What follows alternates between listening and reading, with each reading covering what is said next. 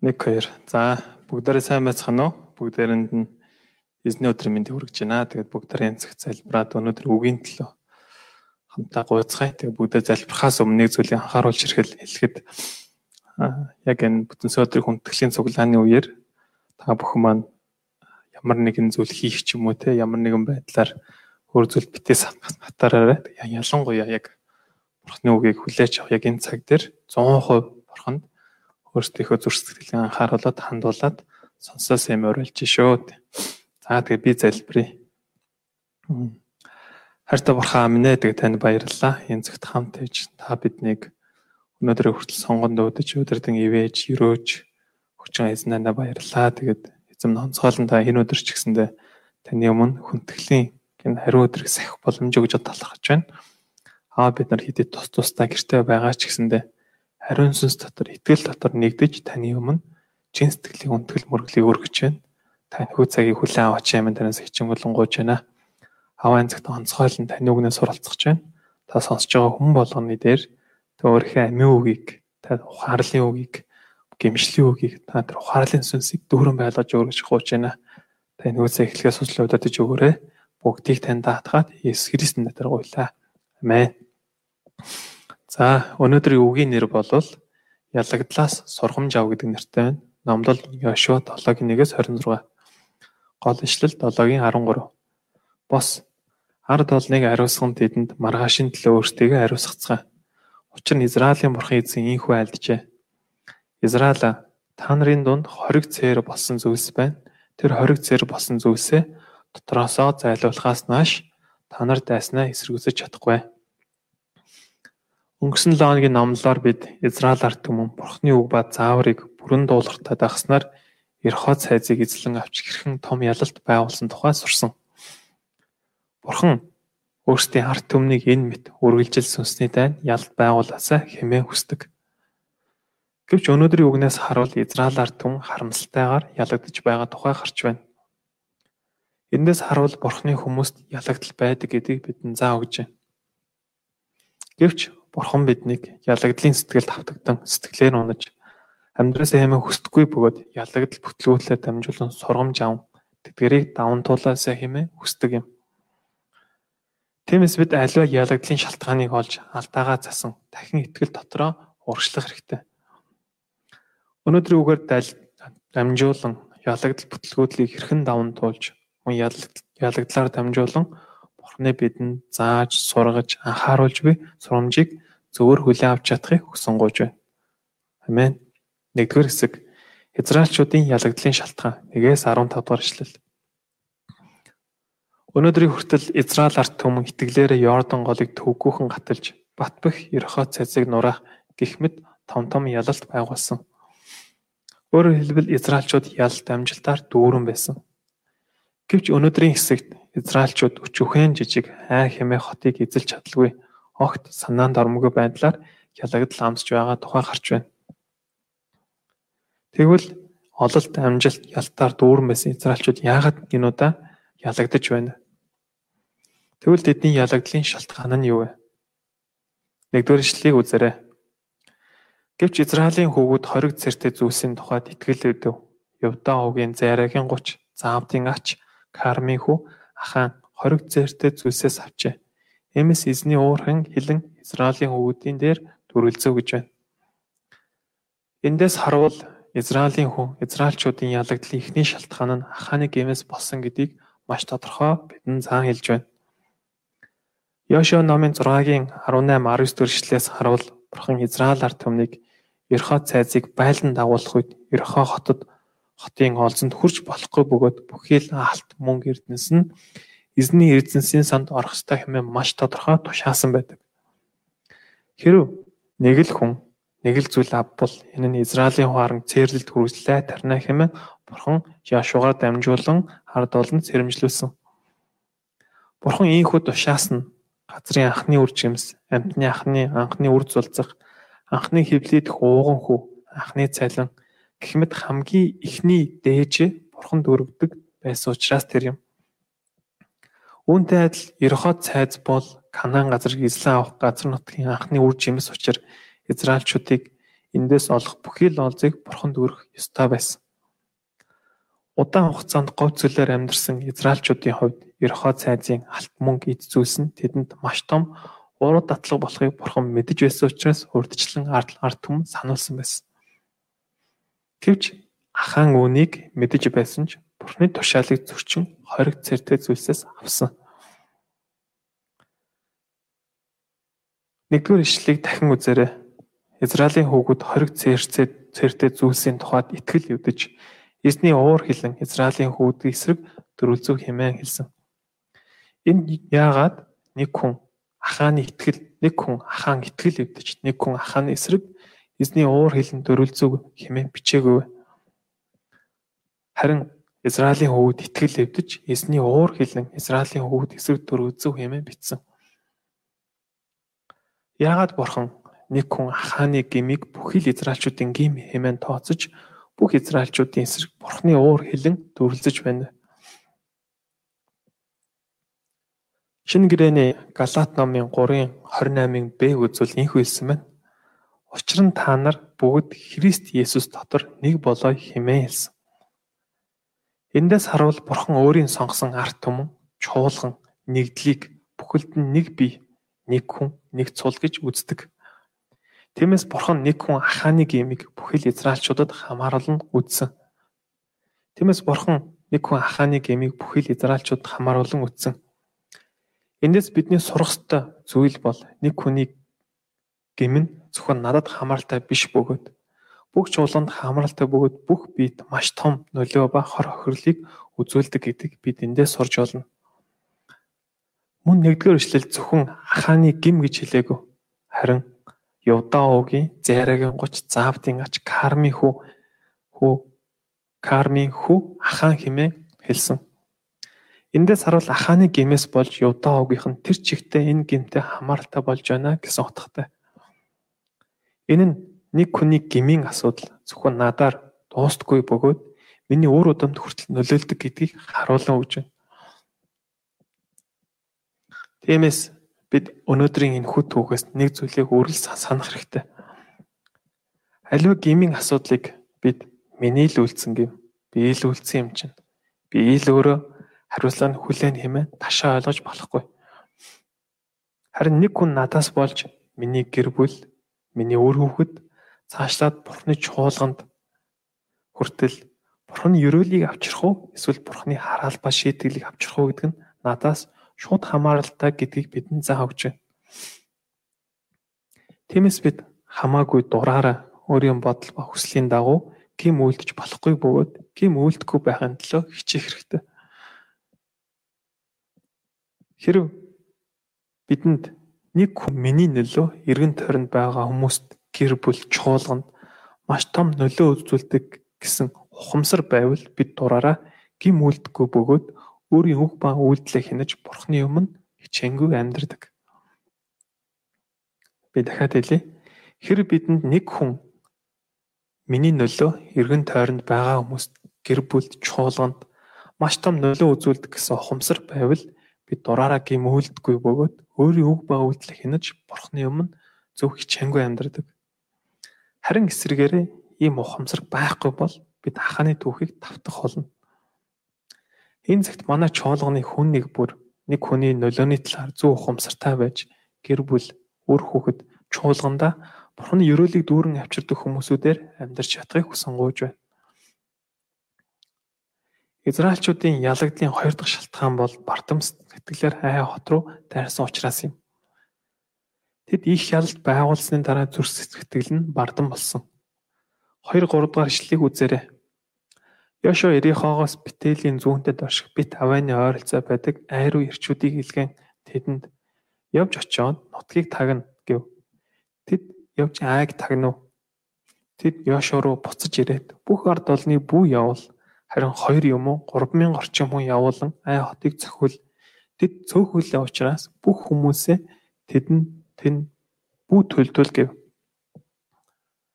Йошуа номын 8:25 дахь эшлээс харвал Ай хотын бүх хүн 12 мянган хүн байсныг бид мэдэж болно.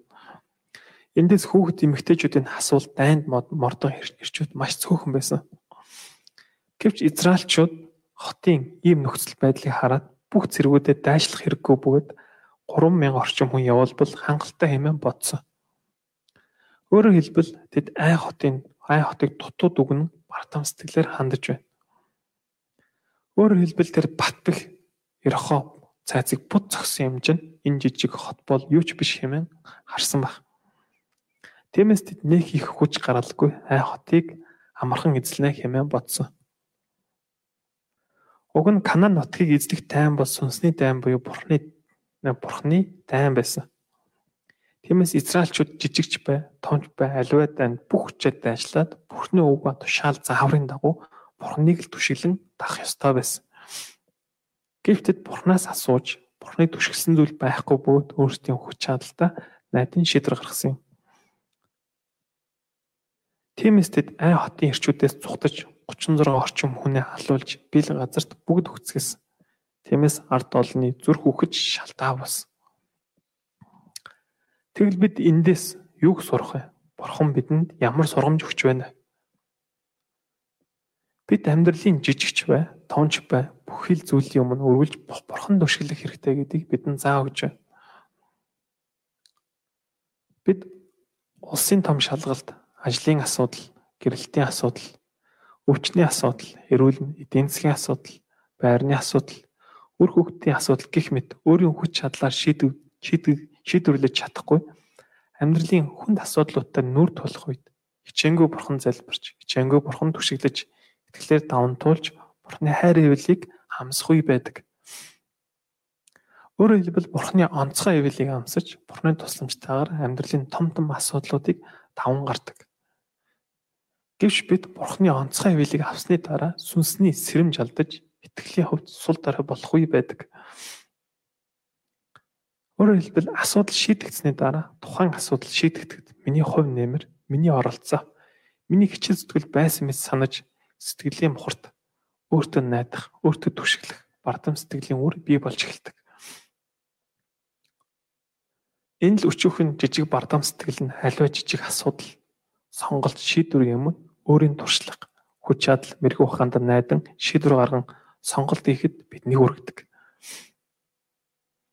Энэ цаашлаад Библийн хичээл, сэтгэл бичих, залбирах, Библи унших, цуглаан өрөх, зэрэг сүнслэг цаагуудыг жижиг зүйл мэт харагдуулж баян хайн ханд хандуулж эхэлдэг. Эцэстээ энэ бүр Бурхны өмнө хүлээсэн үйлчлэл ба ажил үүргээс баг багаар биднийг хүндрүүлж эхэлдэг. Хэрэг бид ийм л бардам сэтгэлийг гимшихгүй бол итгэлийн амьдралаа сайнаар эхлүүлсэн ч цаашид итгэлээр амьдарч Бурхны ажил бүрэн дүүрэн нанднаар хэрэглэж чадахгүй юм. Тиймээс бид үргэлж Бурхны өмнө гимшиж зүрс итгэлээ таруу байдал тасгалжуулан амьдрах хэрэгтэй. Хүн гимтэй сул дорой учраас бардам болоход амархан байдаг бардам зан сүнсний идэвхшгүй өвчнөд зөөрөлдөг бөгөөд энэ нь өвч энэ өвчний эсрэг ямар нэгэн юм тариа гэж байхгүй. Яагад гэвэл бардам сэтгэлтэй хүн хэний ч үгийг сонсдоггүй бөгөөд өрүүлж бусдыг шүүж буруутгасан гомдлын үг гаргаж байдаг. Нэг хэн нэг хүнээс өөр хин талаарх алдаа хэлж шүүмжлэх үед хүлээн зөвшөөрдөггүй бөгөөд хуурлаж эсэргүүцдэг. Тиймээс бид ийм болч гундад үргэлж сэрэмжилж бурхны өмнө очин үг зарилгаар өөртөө шалгадаг байх хэрэгтэй. Энэ цагт манай чуулганы хүн нэг бүр ахааны гин ба израилчуудын бардам сэтгэлээс сургамж аван бурхны өмнө зөвөр амьдарч чадахыг хүсэн гуйж байна. Хоёрдугаар хэсэг гмийн асуудлыг шийдсэн бурхан 6-аас 26 дахь эшлэл. Израильчуудын сүнсний асуудлыг Йошуа хэрхэн шийдсэн бэ? 6 дахь эшлэлийг үзээрэй. Тэгэд Йошуа хувцас уран өдөш хүртэл эзний авдрын өмнө нүүрээрээ газарт унав. Израилийн ахмадууч бас унцхаа. Йошуа тэдэндээ хам толгой дээрээ шороо цацлан байв гэж байна. Йошуа Израильчуудын ялагдал амсах үед ялагдлын шалтгааныг хүмүүсээс эсвэл тухайн нөхцөл байдлаас ирэн хайсангүй. Харин хамгийн түрүүнд эхлээд Бурхны өмнө очин Бурханаас асуудлын шалтгааныг ирэн хайж байна. Өөрөөр хэлбэл Йошуа бурханд харилцах харилцаан дээр ямар нэг асуудал байна уу? Бурханы өмнө Израильчуудын байдал ямар байна вэ? Бурхан дуулуургүй байж ямар нэгэн гмийн асуудал үйлдсэн үү? Хэмээн асуудлын шалтгааныг Бурханаас ирэн хайсан. Эндээс бид ямар нэгэн асуудалтай нүр тулах үед асуудлын шалтгааныг хүмүүсээс эсвэл нөхцөл байдлаас ирэн хайх биш харин эхлээд Бурханаас ирэн хайх хэрэгтэй гэдгийг бид Яшуагаас сурч болно. Одоо 7-оос 9 дугаар эшлэгийг үзээрэй. Яшуагийн Бурханд хандаж буй залбирлыг бид нар сайн харуул Израильчуудын бүтлгүүтлээс илүүгээр Бурхны нэр алдарн хариу үндэстнүүд донд унахаас санаа зовж Бурхны нэр алдрын төлөө гуйлтыг өргөж байгааг бид харж байна. Ийхүүд залбирах үед Бурхан Йошуад хариулсан. 10-аас 11 дэх эшлэлийг үзээрэй. Тэгтэл эзэн Йошуад өндийн бос юунд чи нүрээрээ унаад байна вэ? Израиль нүгэл үлдэж миний тэдэнд тушаасан гэрээг тэд бас зөрчсөн Тэд хориг цэртэй зүйлсээс заримыг авч хулгай хийж бас хуурам эхэлсэн. Түгээр барахгүй тэдгэрийг өөрсдийн эд зүйлс дундад тавьсан хэмээн хэлж байна. Эндээс бид ахааны үйлцэн гимэн сүнсний чанартай гмийн асуудал байсан гэдгийг бид нар мэдж болно. Энэ нь ахаан бурхны үг ба тушаал дуулуурыг хандсан. Өөрөөр хэлбэл бурхны үг ба тушаал дуулуурыг байх нь сүнсний гим бөгөөд маш ноцтой гэдгийг бидэнд харуулж өгч байна. 11 дэх эшлэлд Израиль нүгэл үлдэж хуурам эхэлсэн хэмээн бурхан хэлсэн. Эндээс харуул ахааны эндээс харуул ахаан хүмүүс хүмүүс мэдхгүй юм чинь хүмүүс хараагүй юм чинь гэдэг сэтгэлээр бурхны үг ба тушаал дуулуур хандсан. Энэ нь хүмүүсийг хуурам эхлээд зогсохгүй бурхныг хуурам эхэлсэн гин болсон юм. Эндээс бид хичнээн нууцаар гин үлдэж хүмүүсээс нууж чадлаач бурхнаас эзэж нууж Бурхныг хуурч чадахгүй гэдгийг бидэнд заах өгч байна. Бурхан ахааны нууцаар үйлцэн гмийн асуудлыг ай хотын ялагдлаар дамжуулан дамжуулан гаргаж ирсэн. Үүнтэй адил Бурхан заримдаа бидний нууцаар үйлцэн гмийн асуудлыг асуудлыг жижиг ялагдлаар дамжуулан сануулж өгдөг. Магадгүй Бурхантай харилцаа баг зэрэг хөндөрсөн. Бурханы үгэнд үг ба тушаал дуулуург хандсан. Урнаас илүү өөр зүйлийг зүрх сэтгэлдээ хайрлсан.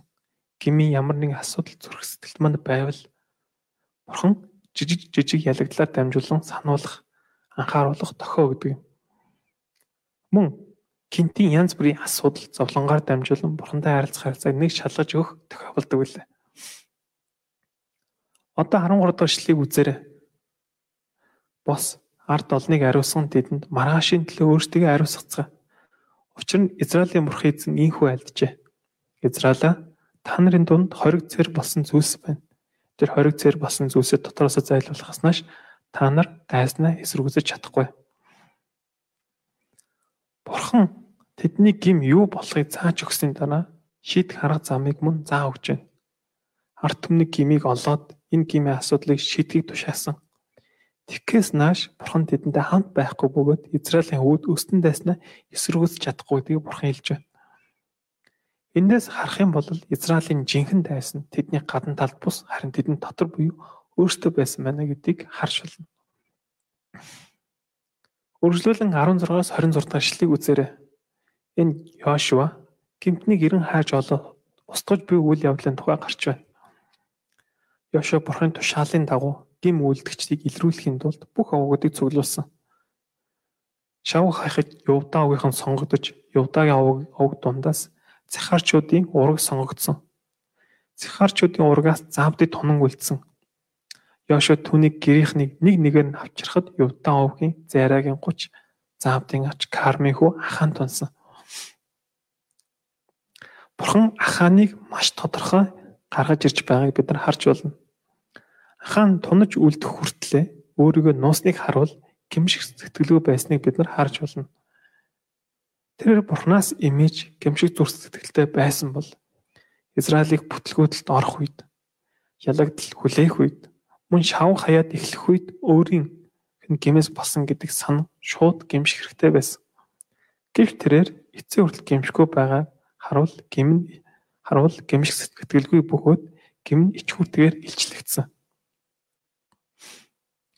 Одоо 19-с 21 дэх эшлэгийг үзээрэй. Йошуа хаанд хүү минь гуй. Израилийн бурхан эзэнд алдрыг өргөн түүнд хүндэтгэл үзүүл. Тэгэд юу хийснэ одоо надад хэл. Надаас юу ч бүү нуу гэлээ. Тэгэхэд нь хахан Йошуад хариулсан нь Үннээр би Израилийн бурхан эзнээсэр нөгөө л үлдсэн. Миний хийсэн хэрэг гэвэл олцсон дотор шинарын гоёмсог өмсгөл 200 шикел мөнгө болон 50 шикел жинтэй алтан гултамбай байхыг би үзээ шунхаараа авсан. Үзэгтүүн тэтгэр зүйлс миний майхан дотор газар булаастай доор нь мөнгө нь байгаа гэв. Энэ дахаан Йошуад олзон дотор шинарын гоёмсог өмсгөл 200 шикел мөнгө болон 50 шикел жинтэй алтан гултамбай байхыг би үзээд шунхаараа авсан гэж байна. Энд гарч буй Шинарын гоёмсог өмсгөл бол эртний Бабилон улсад үйлдвэрлэдэг гоёмсог хааны дээл бөгөөд зарим судлаачид үүнийг алтан утсаар нэгтэг байсан хэмээн үздэг. 200 шикел мөнгө бол 2.5 кг бөгөөд одоогийн аншаар бол 4 сая гаруй төгрөг. Мөн 50 шикел алт бол 0.6 кг жинтэй бөгөөд одоогийнхоор 90 гаруй сая төгрөг. Ахаан эдгээр зүйлсийг харах үед түүний сэтгэл шунхарын сэтгэл төрж хинч мэддэггүйгээр авсан байна. Шунхаарлын сэтгэл нь түүний сүнсний нүдийг сохолж түүний хийж байгаа зүйл ямар аимшигтай хэмээ үр дагавартай вэ гэдгийг харуулж чадаагүй. Эцэст нь ахааны шунхаарл нь өөрийг нь болоод гэр бүлийг нь сүрүүлээ зогсохгүй Израилийг бүхэлд нь ялагдал түргэж байна. Эндээс бид шунхаарл бол бидний сэтгэлийг Бурханаас холдуулах зүйл болдог гэдгийг бид нар сурч болно.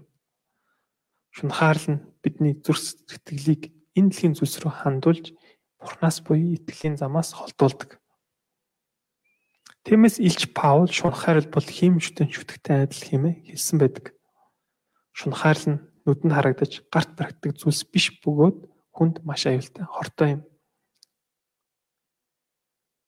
Гэвч шунхаарл нь миний дотор үндэслэн соёолж ургаад намайг сүрүүлэхээс гадна ах дүүсийг мөн цаашлаад чуулганы хүртэл сүрүүлэх аюултай. Библиэд шунхаарл бол бүх гмийн үндэс хэмээн хэлсэн байдаг. Эхлээд намайг харуул ахаа анхны хүн Адам болон Ева нар анхны гмийн үйлдэх басан шалтгаан нь шунхаарлаас үүдэлтэй. Есүс өв Есүс өв хөрөнгнөөс болж маргалж буй ах トゥ нарт ийх хэлсэн. Тэгээд тэр тэдэнд аливаа шунлаас өөрсдөө хамгаал болгоомжил хин нэгний амин өмч хөрөнгөнийх нь хангалуунаас хамаардаггүй гэв.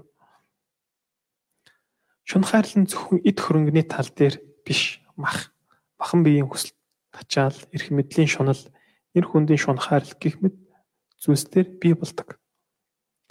Ийм шунхаарл нь хүмүүрт байдаг.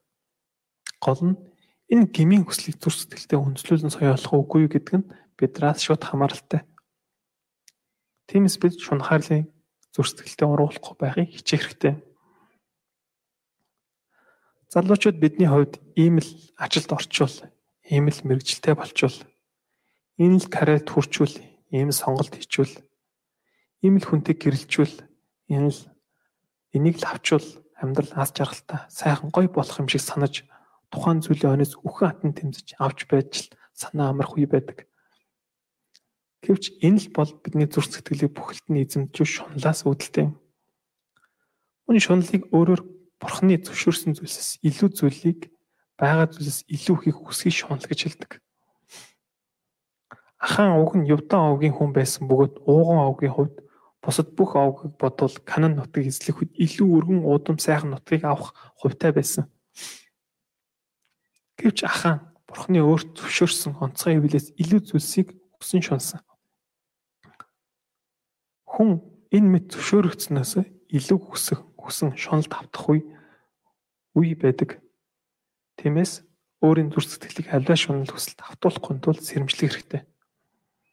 Ингийн тулд бид өдөр бүр бурхныг бод зарилгаар зүрхсэтлээ дүүргэж гуйл ба залбиралд өөрсдөө зориулж зүрх сэтгэлээ эдгээр сүнслэг зүйлсээ дүүрэн байлгаж бурхантай ойр байснараа сүнсээ сэрэг байж чадна. Тэгвэл бид зүрх сэтгэлээ шунлын үнцэд соёолохгүй байж чадах юм аа. Одоо 24-өөс 25 дугаар ишлэгийг үзээрэй. Ингээд Йошуа бүх Израилийн хамтаар Кярагийн хүү, Зайрагийн хүү, Ахан болон мөнгө, өмсгөл, алтан гулдмай мөн түүний хөвгүүд охид өхөр илжиг хонь майхан хийгээд түнд байсан бүхнийг авч Ахоргийн хөндөд авчирв. Йошуа чи бидэнд лай босноо л өнөөдөр эзэн чамд лай тарина гэлээ. Ингээд бүх Израиль тэдэн рүү чулуу шидлээ.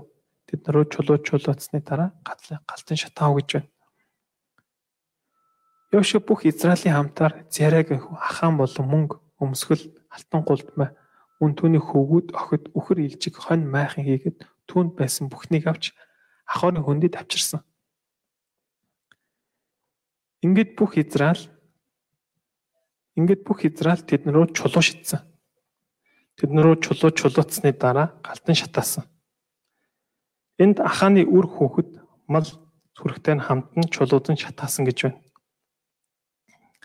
Яагаад бурхан ийм хатууш хатууч хитгэлийг ахааны дээр өгж байна? Хөвгүүд огтон цугтаа шитгэж байгаа нь үнэхээр хатуу харгас мэт санагдаж байна. Тэгвэл яагаад бурхан ийхүү хандсан бэ? Магадгүй Библиэд бичигдээгүй боловч ахааны эхнэр үр хүүхэд аавын эд зүйлсийг авч ирээд нууж байгааг харсан баг. Өөрөөр хэлбэл тэд аавын гим үлдэж байгаа мэдсэн ч мэдээгүй мэд нүдэн ханаад өнгөрөөсөн. Эндээс бид нэг зүйлийг сурч болно. Хэрэг бид эхнэр нөхөр үр хүүхэд хамтран зүтгэж нарын маань нар маань мөн дээрс хондод Бурхны эсрэг ямар нэгэн гим нүгэл үлдэж байг харсаар бич нүдэн ханж өнгөрөөвөл бид тухайн гимд оролцсон болно. Тиймээс бид чуулганы хахан дүүс хамтран зүтгэж нар эхнэр нөхөр хондын бурхны эсрэг үйлдэж буй гмийг харуул нүдэн ан чимээг өнгөрөх биш харин гимшигт нь туслах хэрэгтэй. Тэдний төлөө бурханд хичээнгүү залдаж бурхны үг ба мэрэгүү ухаанаар зэмлэж ятгаж гимшигт нь туслах хэрэгтэй. Хэрв чимээг өнгөрөөвөл бид тухайн гимд оролцсон болж бурхнаас ирэх шийтгэлийг хамтаа хүртэх болно. Тэгвэл ахааны эсрэг үйлдэж буй Бурхны хатуу шийтгэл Израильчуудад ямар сурамжийг өгч байна? Бурхны үг ба тушаалыг зөрчиж болохгүй бөгөөд нэг хүний гимн бүхэл арт түмэн арт түмэнд ямар аимшигтай нөлөөлж ямар их хор хөрөл авчирладаг вэ гэдгийг сурсан баг. Бид ч бас анхааны төгөөс сургамж авч Бурхны өмнө сэрэмжтэй амьдарч чадахыг хүсэн гуйж байна. Энэ цагт манай чуулганы хүн нэг бүр Бурхны үнний талд бат зогсож эргэн тойронд байгаа хүмүүстэй зөвөр тусалж тэдэнд зөвийг нөлөөлдөг хүмүүсүүдээр өсөж чадахыг хүсэн гооч байна. Миний хувьд өнгөрсөн 7 хоногт ээжтэйг нэгэн асуудлаас болж өмнө хизээч маргалдаж байгаагаар мууталцсан. Эхэндээ өөрийнхөө зөв гэж бодон хэдэн өдөр ээжтэйгээ холбоо барайгүй. Гэвч маргалцснаас хэд хоногийн дараа дүүгээсээ ээжийнхээ нэгтлийн хөхөн дээр юм гарсан гэдгийг сонсоод маргалдаж хатуу хэлсэндээ харамссан.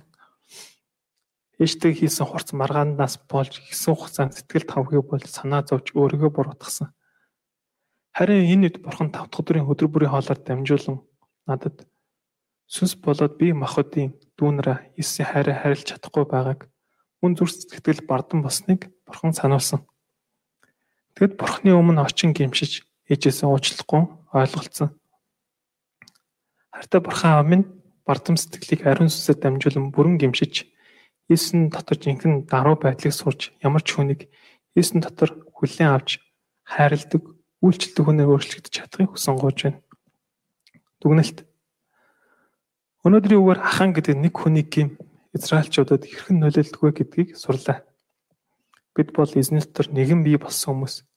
Тиймээс бидний хүн нэг бүр гэр бүлтэй, чуулганда, эргэн тойрныхоо хүмүүс хэрхэн ямар хандлагаар амьдрах ёстой вэ гэдгийг өнөөдөр бидэнд заах өгч байна. Энэ цагт манай чуулганы хүн нэг бүр гэр бүл өөр хөвгүүд чуулан улс орныхоо мөн зөөр амьдарч бурхны ёроолыг дүүрэн авчирдаг хүмүүс болж чадахыг хүсэн гооч байна. Амен. За би залбирая. Хайртай бурхан аминаа тэгээд танд баярлалаа энэ цагт. Та Йошуа 7 дугаар бүлгээр дамжуулан нэг хүний нөлөө ямар аимшигтай вэ гэдгийг бидэнд зааж өгсөн танд талархаж байна. Аа бидэнтэй та үргэлж хамт байж аваад би бурхны ёроолыг авчрах уу эсвэл шийтгэлийг авчрах уу гэдэг нь миний үг үйлдэлээс хамаардаг гэдгийг бид өдөр бүр хохомсорлож халуй хэмиг үлдэхгүй байж бурхны өмнө хичээнгүй амьдрах та биднийг тусч өөрөө юмдэнс хичээн болонгойж байна.